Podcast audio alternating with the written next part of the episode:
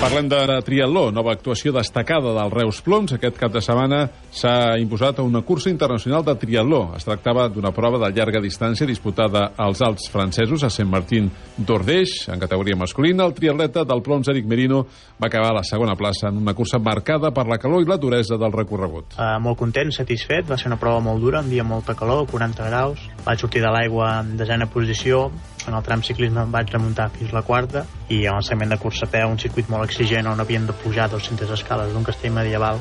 Amb la calor, la gent apretava doncs vaig aconseguir arribar a segona posició i molt content, compartint podi amb el tercer classificat que és un multiatleta campió de França que ha guanyat diverses vegades Ironmans de, de Nice a proves de molt de renom i estar al seu costat de ser un honor